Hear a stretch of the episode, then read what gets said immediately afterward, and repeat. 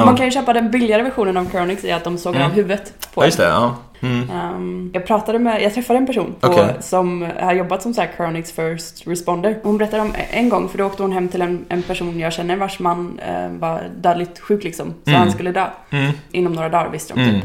Mm, mm. Så, så då åkte de, eh, de hem till eh, deras hem All right. eh, och liksom hängde där i några dagar och väntade på att han skulle dö. Wow, okej. Ja, fan vad weird. Ja, Ja. Och, och sen så när han dog då så, så såg Högg de av. Ja, Ja.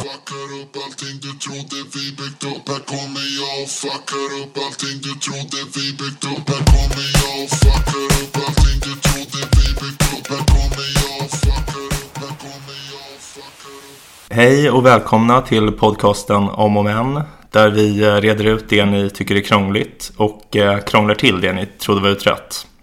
Eh, Jag heter Vincent Frink. och jag heter Beatrice Erkers. Vad har hänt sen sist, Bea? Jag har varit i Berlin och ehm, kom hem för typ 20 minuter sedan.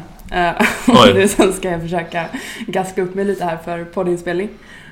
Jag var på NFT-konferens Coolt. i, i Berlin. Ja, det, det är en ganska lustig erfarenhet ska jag säga. För det är så här, man så här packar för konferens är det typ motsatsen till hur man brukar packa för konferenser. Ja, det, Okej. är inte, det är inte kostymen som ska med. Det är så här, okej, har jag mina coola sneakers? Har Ja, jag mina så här eh, neongröna kläder och lite så här, eh, lite, lite alternativt. Det är väldigt mycket sneakers och eh, Mm, alternativa looks. Man ska se cool ut. fattar. Ja, väldigt vuxet att åka på konferens men jag känner att det växer upp lite av eh, outfiten så det kanske inte är så himla imponerande på just det sättet. Men, men coolt med NFTs. Nej, det är inte en jättevuxen vibe kan jag säga. Fattar, fattar. Vad, vad har hänt eh, i ditt liv sen sist?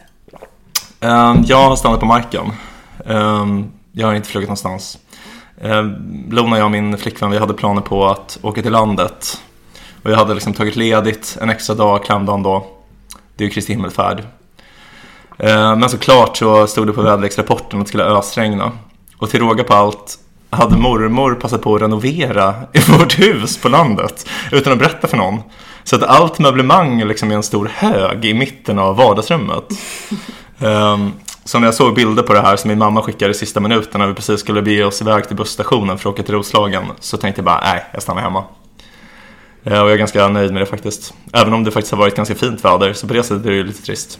Mm, det är väl fint med fint väder i Stockholm också. Ja, det är sant, det är sant, absolut. Jo, men eh, jag har haft en bra helg. Det har varit väldigt skönt att vara ledig. Nice. Ja. Ja, ja men det har varit en spännande helg. Ja, träffade några kändisar. Eh, jag träffade någon som var en känd DJ, sa någon till mig. Men Okej. eh, jag vet inte vem det var. Nej, jag inte, mycket... inte känd för dig. Nej, exakt, exakt. Ehm, och sen så är det väl... Nej, nej, jag tror inte de är så kryptokända. Um, Jag fattar. Ja, men eh, jag tänker det här med techmänniskor kan ju föra oss in på dagens ämne. ja, mm, precis. Ska vi, ska vi säga vilka vi är förresten? Um, med, Mm. ehm, att vad jag... Okej. Mm. Så- Presentera dig. Ja, ja, men, Vem är du? Vad, gör du här? Anledningen till att jag var på en konferens, eh, en NFC-konferens, är för att jag jobbar för en organisation som heter eh, Foresight Institute. Som eh, jobbar med eh, teknik Ja. och att liksom utveckla teknik eh, som eh, kan främja mänskligheten. Mm. Och, ehm, och då eh, är bland annat blockkedjeteknik en av de eh, teknologierna som vi tror kan vara revolutionerande. Och det är därför som jag hamnade på en NFC-konferens i Berlin. Även om jag inte kan så mycket om blockchain. Ehm, men vill du säga? Eh, ja, jag jobbar som läkare med gamla människor. Så det är inte lika Ah. mycket prestige, men eh, gamla, gamla. Men vi har väldigt Ja. nice Mm. overlap Det är sant. Det är sant. om vad vi ska prata om idag. Det är sant. För det vi tänkte snacka om var eh, nämligen att det här att eh, jag har stött på en del människor som eh, tror sig kunna leva för alltid.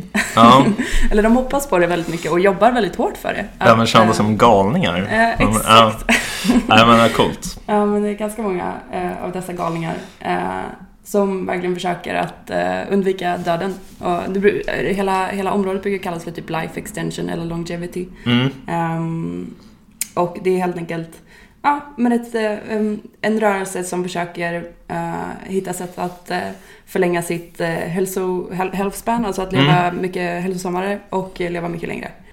Det är väldigt mycket som händer inom det fältet Mm, nu. kan tänka mig. Eh, och vi, vi tänkte att vi skulle snacka lite om det idag. Det Ja. finns ju, finns ju väldigt många olika sätt att angripa det här om man vill försöka undvika döden på. Mm. Även om det inte är så mycket som funkar här och nu då. Mm. Men jag, kan, jag kan berätta om lite min erfarenhet. Jag, eh, jag har ju blivit indragen i det här genom mitt jobb. eh, och jag har liksom eh, arbetskamrater som är extremt passionerade för det här Mm, ämnet. mm. Alltså, eh, min kollega Alison har liksom varit rädd för döden sedan hon föddes typ. Ja, intressant. Innan de kunde tänka. Ja men typ. Ja. typ. Och, och hon är liksom signed up för cryonics och coolt. ehm, väldigt så här, passionerad ehm, eh, ambassadör för cryonics och, Mm. eh, och liksom allt som, som kan eh, få en att leva längre och undvika döden. Och det tycker jag är lite intressant. Överlag måste jag säga att de jag träffar som är väldigt passionerade för det här jag upplever att de flesta har kommit från att så här, först var de rädda för döden, Mm. att det liksom har hängt med från barndomen och sen så har de insett att okej, ja men det finns Hopp. Eh, ja, precis. Mm. Och då gör de allt i sin makt liksom för att kunna... Jag fattar, de har mött Jesus. Så. Precis, Ja, nej. precis. Ja. Nej, jag fattar. Nej, men um, coolt. Vi kanske ska berätta vad cryonics är. Jag tror inte att alla vet vad det är. Nej, men precis. Alltså, Mm. du, du kan ju säkert beskriva det mycket bättre än vad jag kan som, som läkare. Mm. Um, alltså grejen är att jag, jag trodde att jag visste vad det var. Men sen så länkade DUB då en text till mig. Mm. eh, som uh, ja, men visade att jag hade typ fel i allt. Ah. Den här texten hade också en så stereotyp av medicinare. Som kritiserar cryonics. så jag bara, de säger bara det här. Jag bara, gud det är det här jag sagt i alla år. Så här. Och det här är bara helt fel. Typ, det är bara helt, alltså så här, i grunden fel. Var det att du trodde Så- att det bara var att frysa ner? Ja, jag trodde att det bara var Ja. typ lägga folk i frysen. Ja. Men så här, till mitt försvar så tycker jag inte att det är konstigt att du trodde det. För att det är det det betyder i vetenskapliga sammanhang. Så betyg, betyder typ kryopreservation betyder att man fryser något. Så att det är alltså så här, till mitt försvar ett lite dåligt val av ord eftersom det redan betyder någonting i vetenskapliga sammanhang. Men, men, men i vilket fall då så det cryonics i själva verket går ut på det är att man precis efter att man har dött eh, packar människor i en glasliknande substans och sen omger den här glasbehållaren då som liket ligger i. Eh, det, får man ner i en behållare med flytande kväve. Så att man eh, sänker temperaturen i liket så mycket så att alla metabola processer som leder till att, eh, att liket ruttnar eller, eller sönderfaller hindras från att fortgå helt enkelt. Man kan tänka på typ så här Bockstensmannen till exempel. Det, det är en, så här, en väl ett välbevarat lik. Eh, och det har blivit så bevarat för att det har liksom lagts i syra eh, i, i, en myr, i en våtmark. Så, så det är typ som en motsvarighet till det fast liksom jättemånga gånger bättre. Eh, som gör att hjärnan inte sönderfaller och då är liksom att man hoppas att man i framtiden ska kunna återskapa den här hjärnan och liksom väcka den här döda människan till liv då, eller om ska rädda den här personens liv. Jag, jag tror att så här, de flesta människors reaktion på när man hör om är Ja, usch! Typ. ja, ja det var det verkligen. Det vill jag inte ha något att göra med. Eh, det, det var nog definitivt min första reaktion. Och överlag hela det här liksom longevity-fältet tror jag, det var om jag ska säga, säga min stere- stereotyp kring, eh, eller mina fördomar eh, som jag hade innan jag blev lite mer involverad i det var också att det, liksom, det är bara rika gamla snubbar som Ja. eh, har hybris och vill leva för alltid. Typ. Ja, ja, Ehm, verkligen. men det är ganska många, Mm. många som Allison, Är, ja precis, Allison är Mm. ett väldigt bra exempel. fattig kvinna. Jobbar för en non-profit. Ja. Motsatsen. Ja. Exakt. Ja. Men eh, det ska bli väldigt spännande att höra nu då. Vad, Mm. vad är... Okej, så, så det var liksom, det är min gut reaction på, Ja. på longevity. Jag har alltid varit typ såhär... Uh, Uh, man blir lite uneasy liksom. Ja men precis. Vad, Ja. vad är din... Alltså min, det är såklart samma, jag delar verkligen din reaktion där. Men också typ att jag tänker att de som vill genomgå det här har typ storhetsvansinne. Alltså jag tänker på typ så här eh, balsamering, typ mumier och så här. Att de, är som, de tror att de är farao liksom. Ja. Typ Lenin, Lenin är ju balsamerad. Mm. Så, men det är ju inte samma sak såklart. För att, men, men, men det är liksom något med det där, typ att man tycker att man är så viktig så att ehm, ja, man, Mm. man kan inte typ gå med på att ens kropp kommer disintegreras. Nej. Alltså, det typ det. Men det är väl den första... Ja, det, och det hänger ju ihop med liksom min reaktion. Ja. Men Mm. Sen upplever jag att så här, när man pratar med folk eh, och när det är också när man bara börjar få en hint om att det kanske inte är helt omöjligt och man börjar tänka på så här perspektivet, ja men vi har ju faktiskt förlängt vår livslängd ganska Mm. eh, rejält eh, Mm. de senaste bara några hundra Verkligen. åren.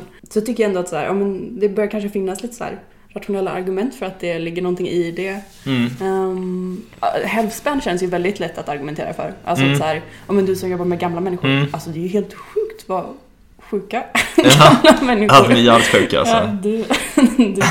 Även innan de träffade mig ska jag säga, så det är inte bara, det är inte bara mitt fel. Men, Nej. ja, Eh, och så här, att när man tänker på åldrande som en sjukdom på det sättet. ja, Det är väl klart att så här, man, eh, om, om vi bara bortser från det här att man vill undvika döden. Man Ja. vill ju undvika sjukdom i alla fall. Ja. Alltså, hellre att jag lever till 100 och är frisk och glad liksom, än att jag lever till 100 och men alltså det här förfallet som Mm. sker. mm, jag håller med. Vill, man, man vill undvika förfallet. Mm. Men, men ehm, ja, alltså mm, jag är liksom, typ, på läkarprogrammet var det alltid några, men så här, typ, det fanns typ i varje klass, jag gick lite olika klasser för jag tog uppehåll och ute och reste och så här, whatever. Och det var alltid i varje klass fanns det någon så här lite techig kille typ. Som snackade om det där typ med biohacking och liksom att man ska typ, eh, det var många som pratade om att man ska börja ta Metformin. Ja. Du har kanske också hört det? ja, absolut. en diabetesmedicin som Ja, men man till folk som har typ 2 diabetes och åldersdiabetes men som man, man tror kan förlänga livet man börjar ta den när man är typ 30-35.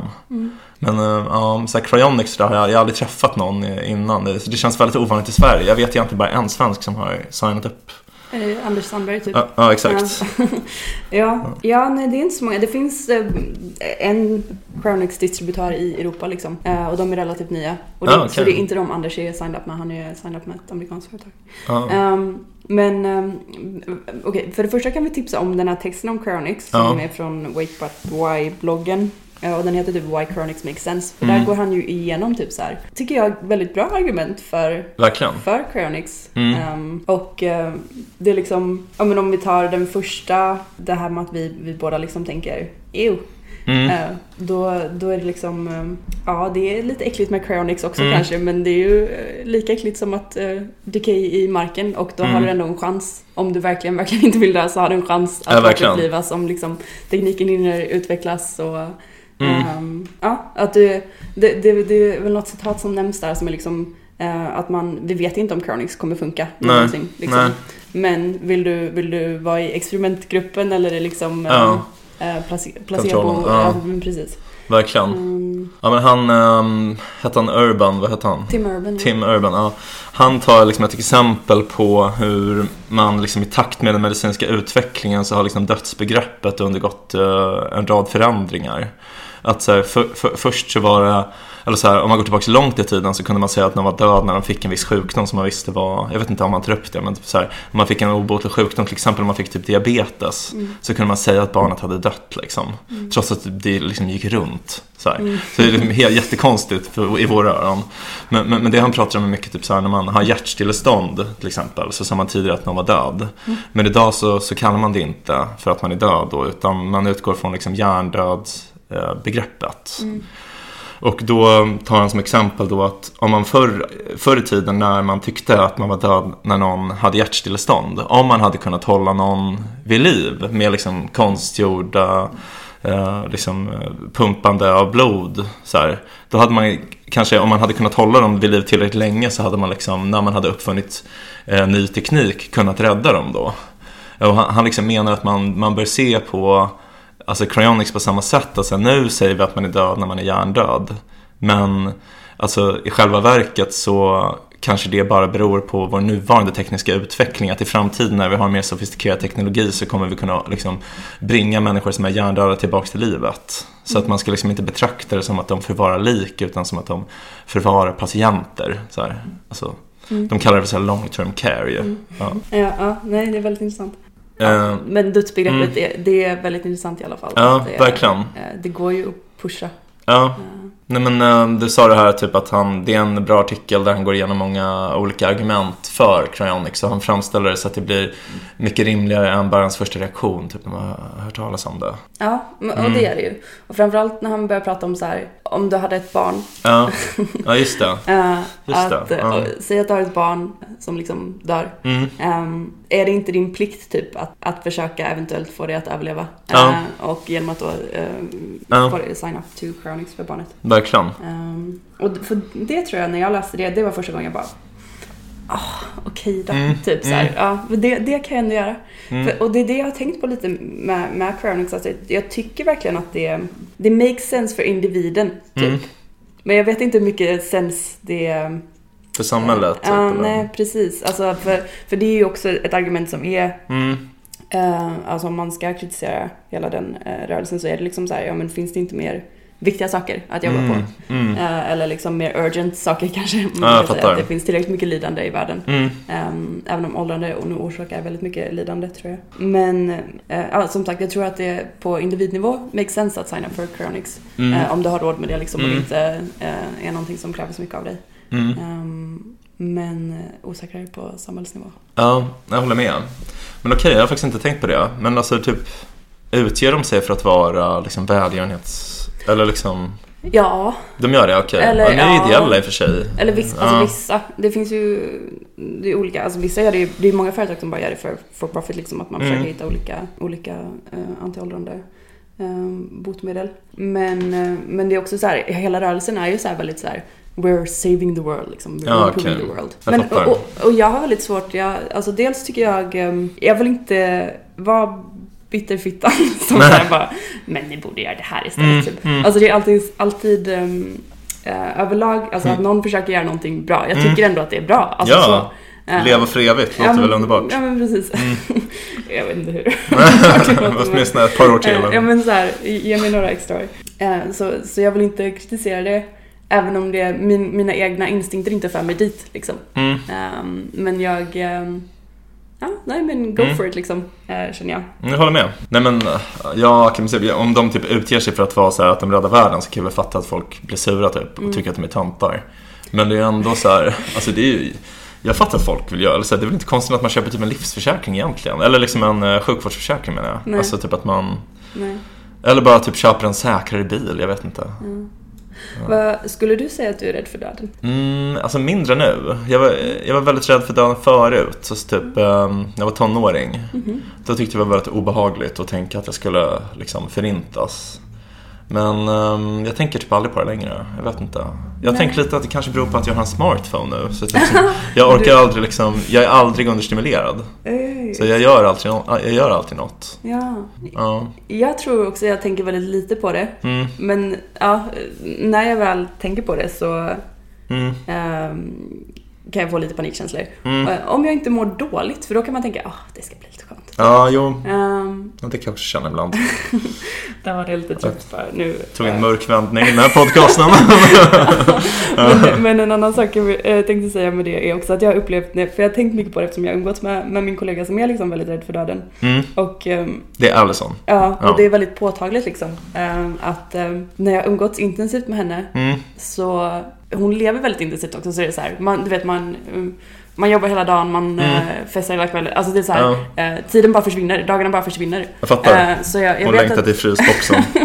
nej, men när jag umgicks med henne väldigt intensivt en period så märkte jag att jag blev rädd för döden också för att jag Ah. märkte att tiden går så jävla fort att om, Mm. om dagarna försvinner så här fort Mm. så kommer jag vakna upp och vara 45 om, och det kommer kännas som Mm. en, en fingerknäppning liksom. Ja. Medan jag i min vardag vanligtvis Mm. liksom när jag eh, inte umgås med henne hela tiden så går, men min vardag Mm. går, den, den, den är lite lugnare liksom och då hinner jag, Jag fattar. Ja. Hon är som en fast forward liksom. ja men jag, jag får den känslan Mm. och, och då, det tyckte jag var intressant att, eh, att jag verkligen kände att mitt perspektiv skiftade. Och sen så var det väl kanske att eh, hon också så här, Pratade om döden typ. Ja, eller? ja. Han låter som någon Kierkegaard, Kierkegaard-figur. Ah, en, okej. en Duracell-Kierkegaard. Exakt, Kierkegaard på Tjack ja, i Silicon Valley. ja, Ja, konstigt. mm, Nej men, Okej, så att hon, alltså jag tänkte först att du menade att hon gör så här mycket för att typ eh, hon inte ska ha dödsångest. Men samtidigt låter det som att hon får dödsångest av att göra så här mycket. Det låter ju inte så Jag konstigt. Det tror, att låter ju kontraproduktivt. jag jag tror att det är som du säger också. Mm. eh, Att, hon, att dödsångesten driver henne till, till den här aktivitetsnivån. Men det är som det här man brukar säga typ, om du fick reda på att du skulle dö om en vecka, vad skulle du Ja. göra? Men då enligt dig, det man borde göra är att göra ingenting. Bara sitta och ha en, Ja, en tråkig jävla dag. Då skulle man inte bry sig alls, inget skulle vara jobbigt. Och Exakt. sen skulle man bara dö och inte ens vara då beredd. skulle man vara lite lättad att dö man har haft så jävla tråkigt. Ja, exakt. Ja, det är bra alltså. Ja, men Det är en bucket list, det är bara att leva sitt liv liksom. där, där knäckte vi det. Ja, där högg det bra om. Ja, men spännande. Men vad gör hon mer då? Alltså hon, hon ska frysa ner sitt lik. Vad ska Ja. hon mer göra? Eller liksom, vad gör hon mer? Alltså det är det som är lite tråkigt med, med longevity-forskningen ändå. Alltså det, Mm. finns ju, det finns ju det här som metformin och sånt, att Mm. man eh, försöker hitta olika sätt. Och som sagt, det, det händer mycket. Det är många företag som startas, Mm. eh, många startups och sånt eh, inom, inom fältet just nu. Mycket pengar som flödar in. Mm. Ehm, det är ju typ många miljardärer som typ Peter Thiel eller Sergey Brin eller Mm. Jeff Bezos har precis startat Ja. eh, företag. Ja, just det. Det har jag sett. Ja, Ja, intressant. Så ja, många Mm. miljardärer som vill leva Ja. för alltid. Men det, när man så här frågar, för jag, jag brukar fråga, okej men vad, Mm. säg, vad ska jag göra? Mm. Det är verkligen bara så här, ah, träna, Mm. eh, ät Mm. nyttigt, Mm. ät inte för mycket. Nej. Typ. Det är många som pratar om det här med att fasta kan vara bra. För Mm. att det mm, skapar någon sorts process eh, Mm. i, i kroppen, som, någon sorts stress som gör att man... Eh, Mm. Autofagi. ah, det låter Ja, jättebra. det är cellerna äter upp sig själva. Ja. Det var någon som fick Nobelpriset, någon japansk forskare som fick Nobelpriset för det här typ 2015. Mm. Och då började alla tidningar skriva om så här: sluta ät, sluta ät, det kommer bli autofagi, ni kommer leva för evigt så här och börja liksom, men alltså det, ju inget, alltså det finns ju inga så här experimentella bevis för det, men det finns liksom en cellulär mekanism Mm. som typ gör det troligt att det kanske skulle vara så.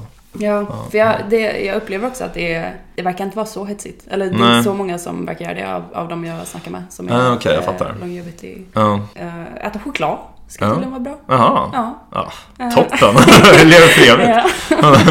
ja, nej, så det, så det är ganska... Det är väldigt basic det som är så här, det som finns bevis. Det finns också lite bevis ehm, för typ att oxygenated water ska vara bra att dricka. Jaha, Jag vet Kol- inte. alltså var det kolsyra typ eller? Ehm, det ska vara extra oxiderat typ. Uh, Aha. jag vet inte. Jaha, ja, jag vet, jag vet inte. Ehm, Coolt. det, ja, Det så- låter gott framförallt. Ja. Som sånt sånt här de har i Frankrike. Den här Ja. gröna flaskan. Som det är jättemycket Ah, kolsyra i. Ah, eh, Pellegrino. Ja, kanske. Ja. Jag vet inte. Godare i varje fall. ja, men så det, det finns Mm. inte sådär jättemycket som eh, att titta på Nej. nu, mer än så. Inte jättemånga åtgärder liksom. Och sign up for cryonics då, som lite extra försäkring typ. Ja.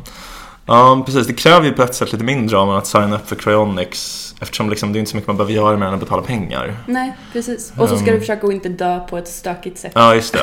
Ja, det är svårt. Men helst ska man väl bo nära en sån där cryonics Ja. facility. Ja. Och det finns då inte som jag förstår i Sverige, eller? Nej, eh, jag tror närmsta är, är typ i Schweiz eller någonting för oss. Ja, okej. Ehm, eller Tyskland. Ja, någon, någon, någon Där vill man inte bo i Schweiz.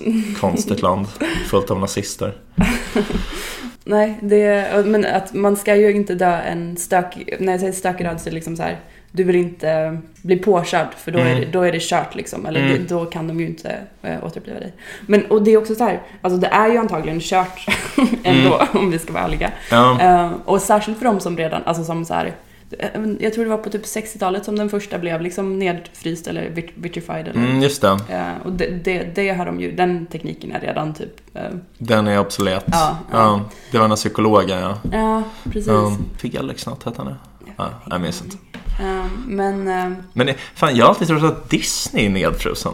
Stämmer det? det har man hört någon myt om. ja. Visst man har, man har hört det, men han kanske inte är nedfrusen, han kanske bara, han kanske bara är död. Ja, det, det, jag har inte läst konkret eh, så, något som jag känner som en superpålitlig källa, men jag har också hört detta rykte. Ja. Det. Jag tänker faktiskt på Austin Powers. Han, men han finns väl inte på riktigt? Nej, men det... är ju att han blir, han blir ju nedfrusen på Ja, 60-talet och så det. väcker de upp honom igen sen när Dr. Evil är tillbaka typ. Ja just det, det är det som är hela plotten ja. Ja. Ja, det var Ja. länge sedan man såg Austin Powers. Ja. Det kanske vi skulle ha gjort inför det här programmet, studiesyfte. Jag såg det här veckan faktiskt. Ja, okej, ja, du kollar. Ja, kvalitets... Hade- den måttet då? Skrattar du lika mycket? Ehm, nej. Fast jag, jo, för jag fattar ju mer nu typ. Ja. Då fattar jag ju inte typ Engelska. varför är han så konstig, varför är han sån... eh, Nu fattar man ju alla 60-talsreferenser Ah. typ, att han är, och James Bond-referenserna. Typ. Ja, just det, just det. Eh, det fattade man ju inte när man var liten, då var han ju bara en konstig prick. Typ. Ja, ja, men det, alltså, okej, men så det, gick det ganska bra ändå. För jag tycker det, det kan vara ganska farligt att se om filmer man älskar som barn. Ja. Alltså, jag såg om Borat nyligen.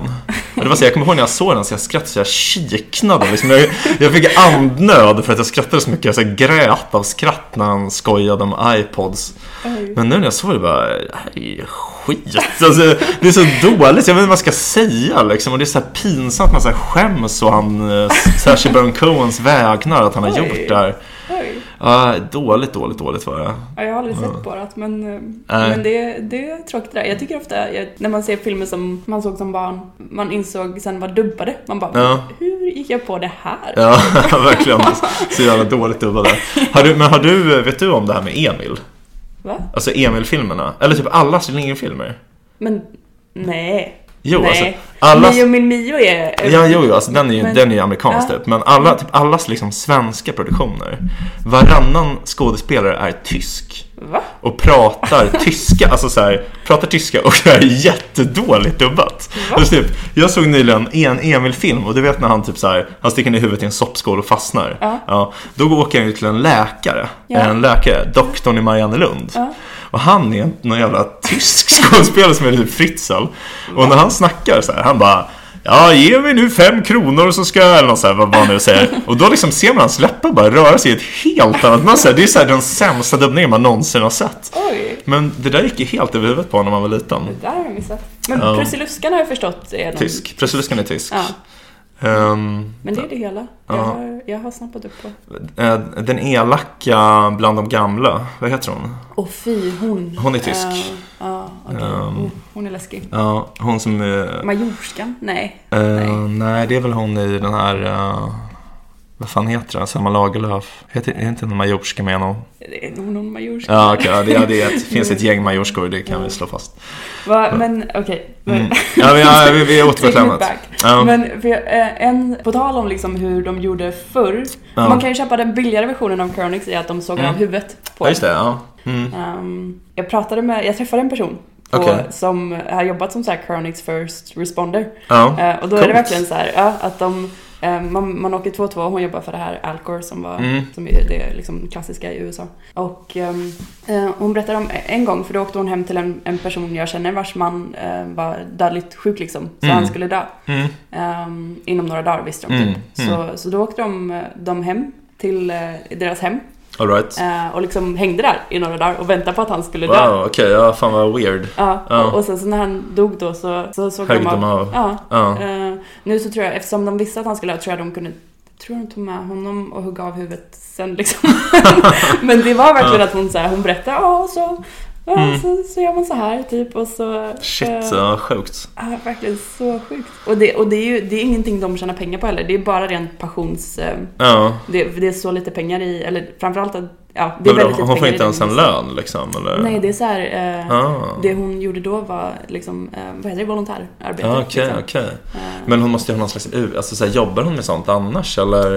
eh, hon jobbar inte med det längre. Men hon har tidigare varit någon så här obducents eh, assistent kanske eller något sånt. Nej, det, Inte det? alltså, det, det har verkligen varit svajigt inom den, inom Ah. uh. Chronix eh, Okej, ja. eh, i branschen. Jag tror Mm. det är mer professionaliserat nu. Och han var ju på typ eh, 90 80-90-talet. Jaha, jag fattar. Okej, nu förstår jag. Ja. Ja. Så, men att det verkligen, som sagt, det har varit väldigt så här Mm. passions... Folk som är passionerade som har drivit Mm, eh, det här. mm. Det har inte varit så här, åh det här är så professional och, Mm, jag fattar. eh, och mycket pengar. Det har varit väldigt så här, eh, Mm. ja, nu får vi ta vår frysbox här. Lite. Mm, mm. Okej. Så. Ja, men coolt. Ja, coolt och, och sjukt som sagt. Ja, men jag tror typ inte att det är... Eller så grejen att jag, jag tror typ inte att det är så lovande. Av egentligen två skäl. Ja. Och det ena är liksom att jag tror, om man, alltså så det mest sannolika, alltså det mest sannolika är att man inte kommer kunna göra något tror jag. Mm. Men det näst mest sannolika det är att man kan väcka någon till liksom en mycket kort kvarvarande livslängd. Mhm. Alltså, för typ, alltså liksom om någon är, alltså så här, det- här exemplet han tar, tidigare så räknades hjärtdöd som död men nu är det hjärndöd. Mm. Men typ så här, om man hå- håller på att dö med hjärtattack Mm. och eh, vaknar, eller liksom att man får eh, HLR eh, alltså hjärt-lungräddning, eh, och och man vaknar till det, då är det liksom, vissa får ju ett bra liv typ 20 år efter det. Men det är ju väldigt, väldigt många som får liksom ett inte så bra liv. Som vaknar och är liksom jättesjuka. Ehm, så typ det, det tror jag är liksom ganska sannolikt att det skulle kunna hända något liknande. Att man, man kan liksom ta ut dem ur de här uh, vitrifieringsbehållarna, eller vad man ska kalla det. Ja, Och sen väcka upp dem och sen har de kanske några år i liksom svår sjukdom. Och jag tror att alltså det är också ett alternativ som han Urban tar upp. Att det är typ om man ska liksom väcka någon till liv till ett väldigt långt liv, alltså typ mycket längre än våra nuvarande liv. Då är det ju många som tror att man måste bli liksom uppladdad till molnet på något sätt. Alltså typ. Och det tror jag kanske är möjligt, eller så, vad vet jag. Ja, nej men precis. Men- Det, för det tror jag ehm, är ett av, om, om man försöker se så här vad de potentiella positiva scenarierna är, Mm. så är det väl att bli typ så digital people. Ja. Att, eh, det är nog om man kan skanna av liksom eh, hjärnan på något sätt och Mm. eh, se. Sen är det ju frågan vad man skulle vara för, hur, hur, hur lik man skulle vara den man Mm. var när man blev nedfrusen och allt det där. Och det, det känns ju verkligen som att så här, poten- säg att det funkar perfekt och du vaknar upp år Mm. 2400 och det är bara så här, det finns ju olika sätt att det kan bli ett positivt scenario på ett negativt Mm. scenario. Mm, För det skulle ju kunna bli super positivt om så här, ah, alla dina vänner och familj också är Mm. nedfrusna och Mm. världen är, är bra. Liksom. Ja, det, är- det är typ exakt. antagligen om du blir uppväckt så är det ju ganska bra skulle Ja. jag säga. Alltså att det är, det tror jag också. då, då har ju tekniken utvecklats så Mm. det är fredligt nog att man har tid och råd att väcka upp folk från liksom Ja. tidigt 2000-tal. Så då- skulle det antagligen vara ganska bra. Det skulle också kunna vara att du vaknar upp och det är piss, det är ett samhälle Mm. du inte kan hantera överhuvudtaget. Mm, Det är mm, liksom så här, mm. om man tänker sig att någon från eh, liksom, Faraons, Exakt. faraonernas tid. skulle komma hit och, Mm. och hänga, det skulle, de skulle nog få lite panik. Ja, Eh, kanske. Ehm, verkligen. så, så det scenariot finns ju också. Och sen så det, det mest roliga är som sagt som du säger att inte bli upp, uppväckt alls. Mm. Eller bli uppväckt och må lite piss. Ja, nej men verkligen. Nej men ehm, det, är, det är oklart det där. Alltså, jag, jag tänker typ också så här att om, om det nu är så att man ska ladda upp Alltså så här, la- ladda upp sig till målet, vad det ens betyder. Jag vet, inte, jag, vet typ inte riktigt vad det är för något egentligen om man ska vara ärlig. Men, men alltså så här, tanken är väl typ att man ska liksom bygga olika algoritmer som liksom fungerar som varje enskild cell, antar jag. Och sen typ kopplar man ihop de här olika algoritmerna så att de kan kommunicera med varandra på samma sätt som celler kommunicerar, typ. Och sen har man liksom samma mönster som cellerna i en viss hjärna har. Och då tänker man, aha, då har vi startat, typ, vi har typ skapat mjukvara som är som den här människan. Typ. Men, men om det nu är det man ska göra, varför kan man inte bara ta typ massor av radiologiska undersökningar, alltså typ röntgenundersökningar av din hjärna medan du pratar? Det känns ju mycket lättare än att bara typ frysa ner hjärnan. Ja, Mm. men förhoppningen är väl att det inte ska vara digital people. Men, Mm. ehm, men, det, men det, Mm. eh, det är ett koncept som vi borde prata om Ja. gång förresten. Jag vet inte om du har läst något om, om det. Ja, nej, att eh, man hoppas ju på något sätt att det ska bli någon sorts verkligen fysisk Mm. återuppståndelse Mm. eh, av det hela. Ja. ja, det skulle vara coolt, verkligen. Ja. Men ehm, ja, det är svårt hur länge man skulle vilja leva också. Alltså, ehm, vad säger du Bea? Skulle, är det liksom... eh, Alltså mitt så bara spontana svar är alltid så här. Eh, ja men att om jag får leva hälsosamt tills jag är 120 tycker jag det låter Mm. asoft. Men jag tror att det, alltså så här, alla sådana beslut som man, eller all, att jag säger det, det beror ju på vad jag, vad jag har för utgångspunkt såklart. Mm. Och min utgångspunkt är ju att jag antagligen kommer, det, om man ser vad, vad folk liksom lever till nu är det 80-90 ungefär. Mm, Man lever inte superhälsosamt på slutet, är man kanske ganska Mm. ehm, trasig. Ja. Ja. Och då är det väl att man utgår från, ja men det skulle vara en soft bonus liksom. Mm, Eh, men det skulle ju också, ja, eh, man vill ju inte vara den enda som är kvar eh, av, alla, om, av alla ens eh, som man känner, eh, tänker jag. Alltså, nej men det är klart man inte vill det. Men jag tänker också att man kan ju, alltså, man kan ju lära känna nya människor. Alltså, Ja, det kan man absolut. Så, alltså, man, man kan ju också man kan lära känna yngre människor. Alltså, så man, alltså jag skulle kunna tänka mig att leva mycket längre, ärligt talat. Mm. Jag skulle kunna tänka mig att leva i ja, men alltså, många tusen år. Alltså, Mm. jag, men det är ju helt liksom, orealistiskt så, såklart att göra det nu. Men, men här, om man fick den valmöjligheten. Alltså, Ja, jag skulle inte tacka nej till det tror jag Nej. inte. För det finns ju, alltså du kan ju alltid avsluta. ja, om du skulle känna det. ja, det är sant. Det är sant. Eh, Så om någon skulle säga, ja men eh, om det, om det var Mm. en möjlighet skulle jag absolut göra det. Det är ju ganska intressant, vi har inte pratat så mycket om det än, men eh, de potentiella liksom, kritikerna kring bara så här, om vi säger att vi börjar få människor som lever väldigt mycket längre, Mm. vad, vad skulle det innebära för samhället? Ja. Ehm, den vanligaste kritiken är väl typ så här, ja men det skulle leda till överpopulation eh, Mm. eh, eller att, ehm, ja men bara så här resursbrist. eh, man kan också leka med liksom tanken att vad skulle det innebära med typ så här, eh, Mm. Man brukar prata om att det är, ja, eh, Steven Pinker skriver mycket om Mm. det eh, i Upplysning Nu-boken till exempel att så här, Ja, eh, det. dåliga, eh, dåliga eh, inom Mm. citationstecken åsikter dör ut lite med generationer. Mm. Alltså så här, att folk dör av och det brukar Mm. ut, leda till mycket utveckling liksom. Ja, det är han Thomas Kuhn. Ja, har han sagt det Ja, också? den här vetenskapliga strukturen av vetenskapliga revolutioner och sånt där. Han Ja, också det är väl när det är hopp inom... Ja, Men, men det här tänker jag mer att, så här, att med... Ja, att liksom normer utvecklas Ja. för att människor dör ut. Ja. Typ Du och jag har ett visst, eh, har vissa normer som... Eh, Jaha, normer mer, okej. ja. ja. jag menar mer så liksom. och Samhälleliga typ. Ja, men precis, precis. Mm.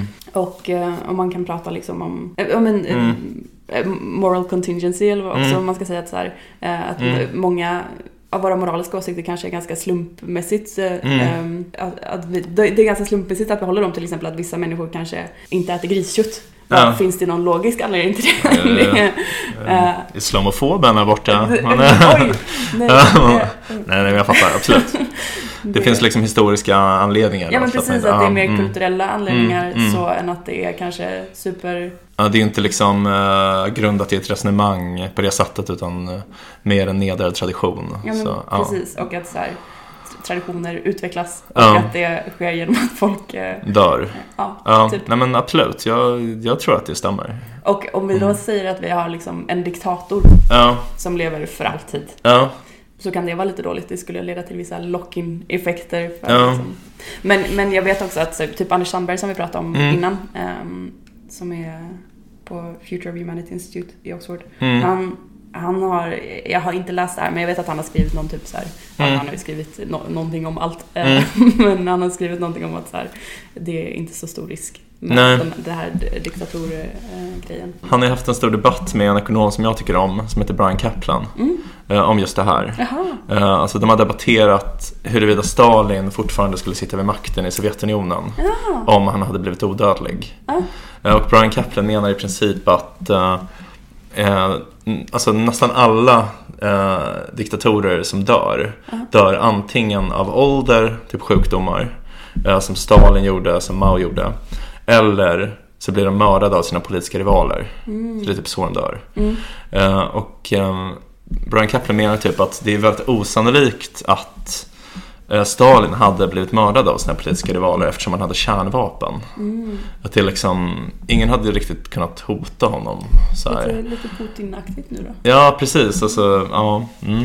ja, vi ska inte gå in på, på Ukraina-kriget kanske, det är känsligt. Men, men alltså, ja, alltså, jag vet inte riktigt om det stämmer. Alltså, för, för menar, han kan ju aldrig bli mördad av någon i Kreml.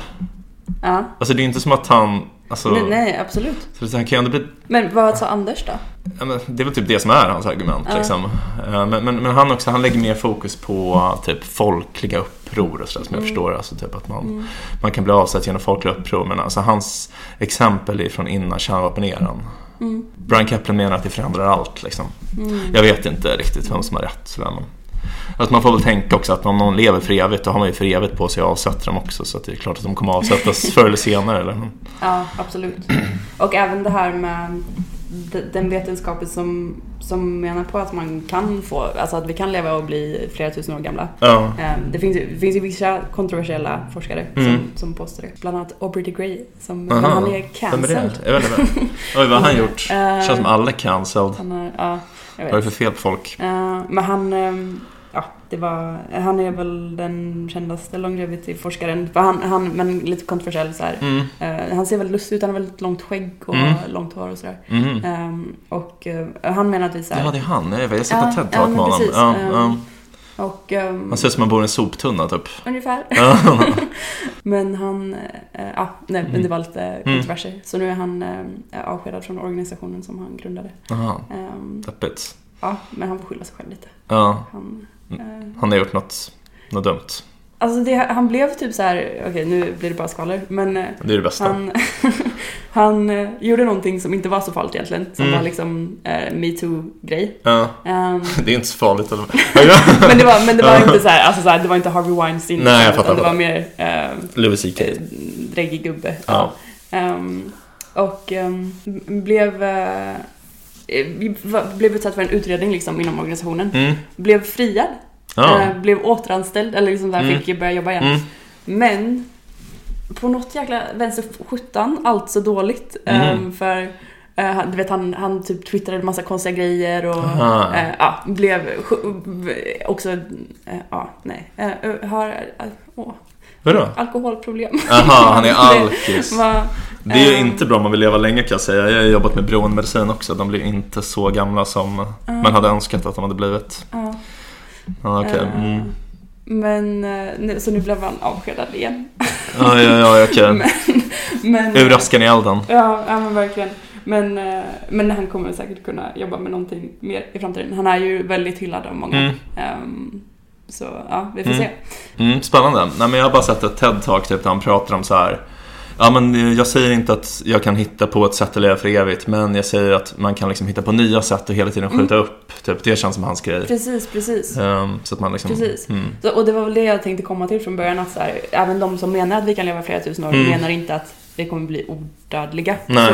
Så, utan, och folk kommer dö liksom. Man Mm. dör av en trafikolycka eller man Mm. dör av sådana grejer. Det är bara att man inte dör av Alltså man ser åldrande som en sjukdom Mm. och det finns väldigt många som jobbar för att liksom klassificera åldrande som sjukdom nu Mm. eh, inom USA. För då kan man, för att då kan man eh, när man forskar på att ta fram läkemedel, Mm. eh, kan man göra det mycket mer effektivt. Nu Mm. mycket av forskningen som sker så behöver man säga att man forskar för Ja. någon, en annan anledning. Ja, exakt. Ja.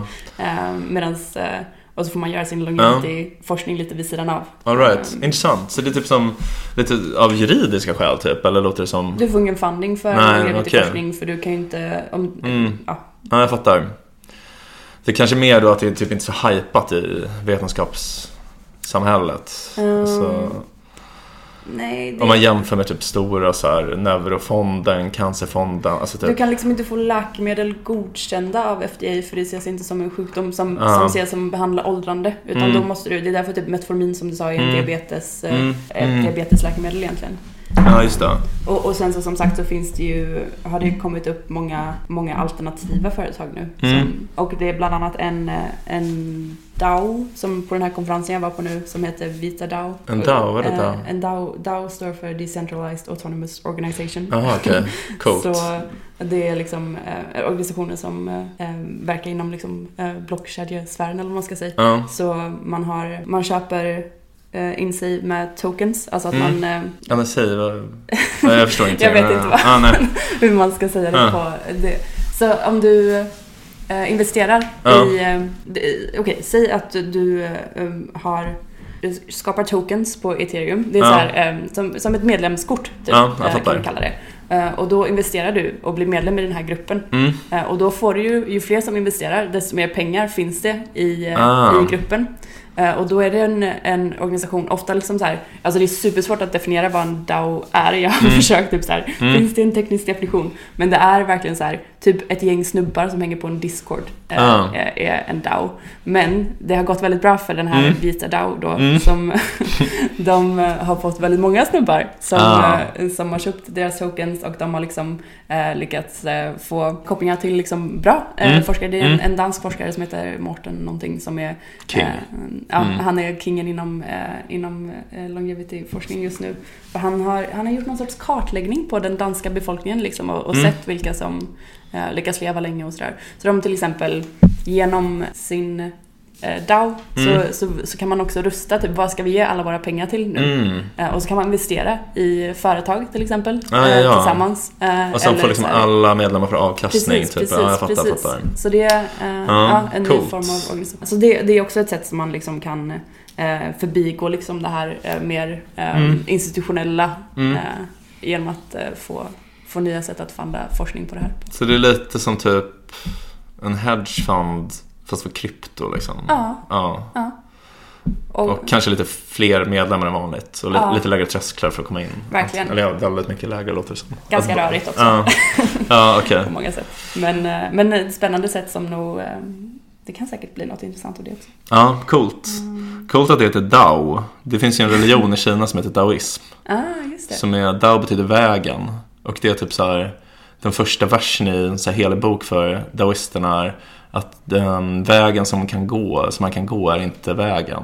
Så det är också så här att man, ingen vet vad Dao är. Så det är kanske lite som det här att man, Ja, det låter ingen, ungefär så. ingen vet vad det här är heller liksom. Ja. Så ja. Ja, vi borde prata mer om DAOs någon gång. Det är ganska spännande för jag, jag, jag, jag känner mig så här, de är ju superhypade inom, ehm, Mm. inom webb 3, alltså krypto Mm. Men det verkar också när man så här, frågar folk som är väldigt involverade i det, man bara, ah, men hur går det typ? Och så bara är det så här, det, man, Mm. det är väldigt mycket att man så här, eh, trycker på att ah, men det här kan vi göra decentraliserat, vi behöver inga, inte de här hierar- hierarkiska strukturerna som har Ja, ja, jag funnits. fattar.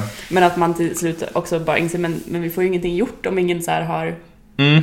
har ansvar eller att man har vissa så Nej. det så här, okej nu måste vi återuppfinna eh, hierarki här. Ja, Och, man måste ha en kommandokedja. Alltså, Ja. Jag tror verkligen att det där är liksom problemet med mycket av våra sociala rörelser. Att det- ska vara liksom så platta hierarkier. Men så här, alltså, man får ju aldrig något gjort om det inte finns ledare. Det, det är ju så. Alltså, jag vet ju själv, liksom, det, så, det finns ju vissa saker som jag tycker är roligt att göra. Typ skriva eller typ podda med dig. Eller så här, saker som man tycker är kul i sig.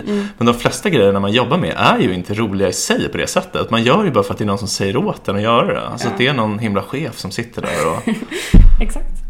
Och sen är det så här, ja, jag, vet, nej, jag, jag, jag, tror, jag tror inte på det alls i alla fall. Men det, Jag, jag behöver också Mm. någon som säger åt mig faktiskt. ja, jag tror alla behöver det. Ja. Ja, Ja, livet är hårt. livet är hårt, Mm. men vi ska ju försöka leva för alltid nu då. Ja, ja, jag hoppas det. Eller åtminstone mycket längre. Vi Fast- får, ehm, okej, men Mm. jag ska, jag ska Mm. dra en sista reflektion. Mm, gärna. vad som, så här, vad som fick mig att så här, jag är ju inte, jag ska inte säga att jag är frälst, men jag Mm. har definitivt så här genomgått Mm. en förändring från usch Mm. till Kanske. Ja, Ja.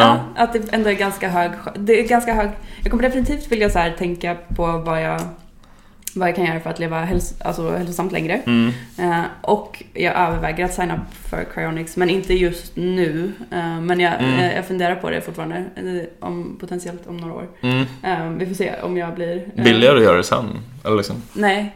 Ja, du menar att Då det behöver man inte bli- betala under tiden men inte... Ah, nej men du får en lägre avgift om du, Ah, om du signar upp när du det är kan, jag, yngre, säga, så- det kan jag tänka mig. Ja, Mm. så om du signar upp när du är 80 så kommer du, bli, du kommer behöva betala mycket upfront liksom. Ja. Ehm, Men, ehm, och det var, dels så var det så här, jag såg någon dokumentär om eh, Mm. Alzheimers sjuka. Okej.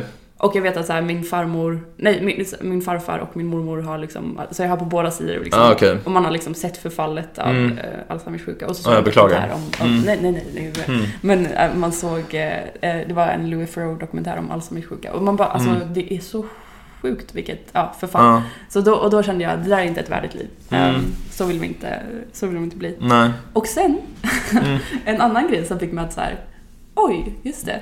Det är eh, ett väldigt fånigt eh, exempel, men jag var och tränade crossfit på Ja, ett crossfit-gym. Och så var det två Biffiga tanter. B här borta. Det var två tanter som var så här typ 70, Mm. och som, men som tränade Helt styrketräning.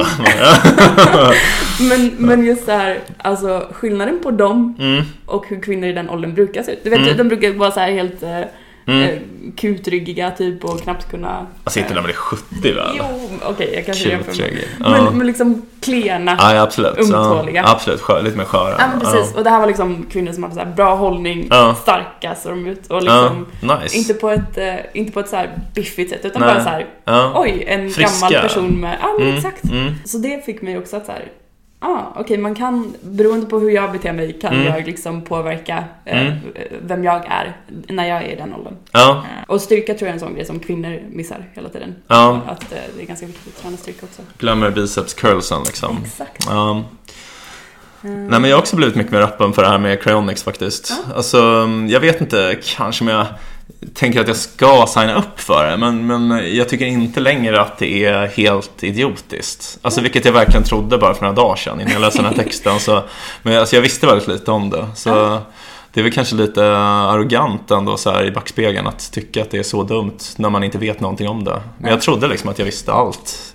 Jag vet inte riktigt varför jag trodde det. Men, ja, Nej, men så kan det gå. Så är det väldigt mycket. Jag Mm. kan tipsa också om, om man skulle känna att man är, känner sig extremt manad att signa upp så är det Tomorrow Biostasis som är det europeiska företaget. Mm. Och jag, jag är inte, okej jag är typ lite sponsrad av dem i och för sig. nu. De sponsrar organisationer jag jobbar för nu. Du är köpt. Ja, Korrupt. Men okej, det är alltså i Schweiz. Ja, Det är, man får göra saker i Schweiz som man inte får göra i andra länder. Alltså en sak, så här, ehm, en sak som jag har tänkt på med att det ligger i Schweiz som är väldigt bra. Du kanske vet vad jag ska säga nu. Att men du det är, kan åka lag, dit och välja att eh, Ja. ta livet av dig och så blir det... Ja. det är lagligt med eutanasi i Schweiz. Alltså Ja. dödshjälp. Ja. Och alltså ett stort problem med det här är ju att man är död lång tid innan man blir nedfryst. ja, precis. Men då skulle man ju kunna ha liksom Mm. cryonics i anslutning till eh, eutanasikliniken. Precis, och det, det tror Ja. jag att de, de har ju så här first responder eh, bilar liksom. Så Mm. då kan man säga nu, jag kommer dö vid den här tidpunkten, plocka Mm. upp mig. Ja, shit. Fan vad sjukt om det blir så en våg av liksom unga friska personer som... eh, Fast man, kan, man får väl inte dödshjälp på vilken indikation som helst? Alltså, jag får väl inte bara åka dit och säga jag vill Nej, dö? Det, nej. det, det, det finns olika regler. Jag tror de har... eh, Ja, regler. fast de har i och för sig gett för psykisk sjukdom. Har de? Ja, Mm. jag vet inte om det var i Schweiz eller om det var i någon, någon annan av de där länderna, om det var Holland. Mm. Som det var en kvinna som hade posttraumatisk stress efter en så här sexuellt överfall typ. Oj. Som fick dödshjälp. Ja, det... Um, Alltså liksom långt senare, typ tio år senare. Hon hade liksom levt ett så här hemskt liv typ. Ja, Så det var kanske inte hennes andra problem. Men, men ändå så är det ju inte det man tänker. nej, verkligen inte. Ja. Ja, gud. Oklart är det i alla fall. spännande. Ja, men spännande. Jag känner att vi måste utforska mer cryonics, eh, förlänga livet eh, och se liksom hur, vi- hur vi ska bli uh, uråldriga. Men också dödshjälp nu känner jag. Ja, Men, eh, det vart jag sugen på här. Så tråkig samtalspartner är jag. nej. Men, Men, mm, eh, ja, nej, ja, nej. Men det får vi, vi får utforska och uppdatera. Om Absolut. vi eh, kommer på något genialt. ja. Eh, Och med de orden tycker jag att vi avslutar andra avsnittet av podden Om och Men. Där vi reder ut det ni tycker är krångligt och krånglar till det ni trodde var utrett. Nästa vecka kommer vi prata om något helt sjukt.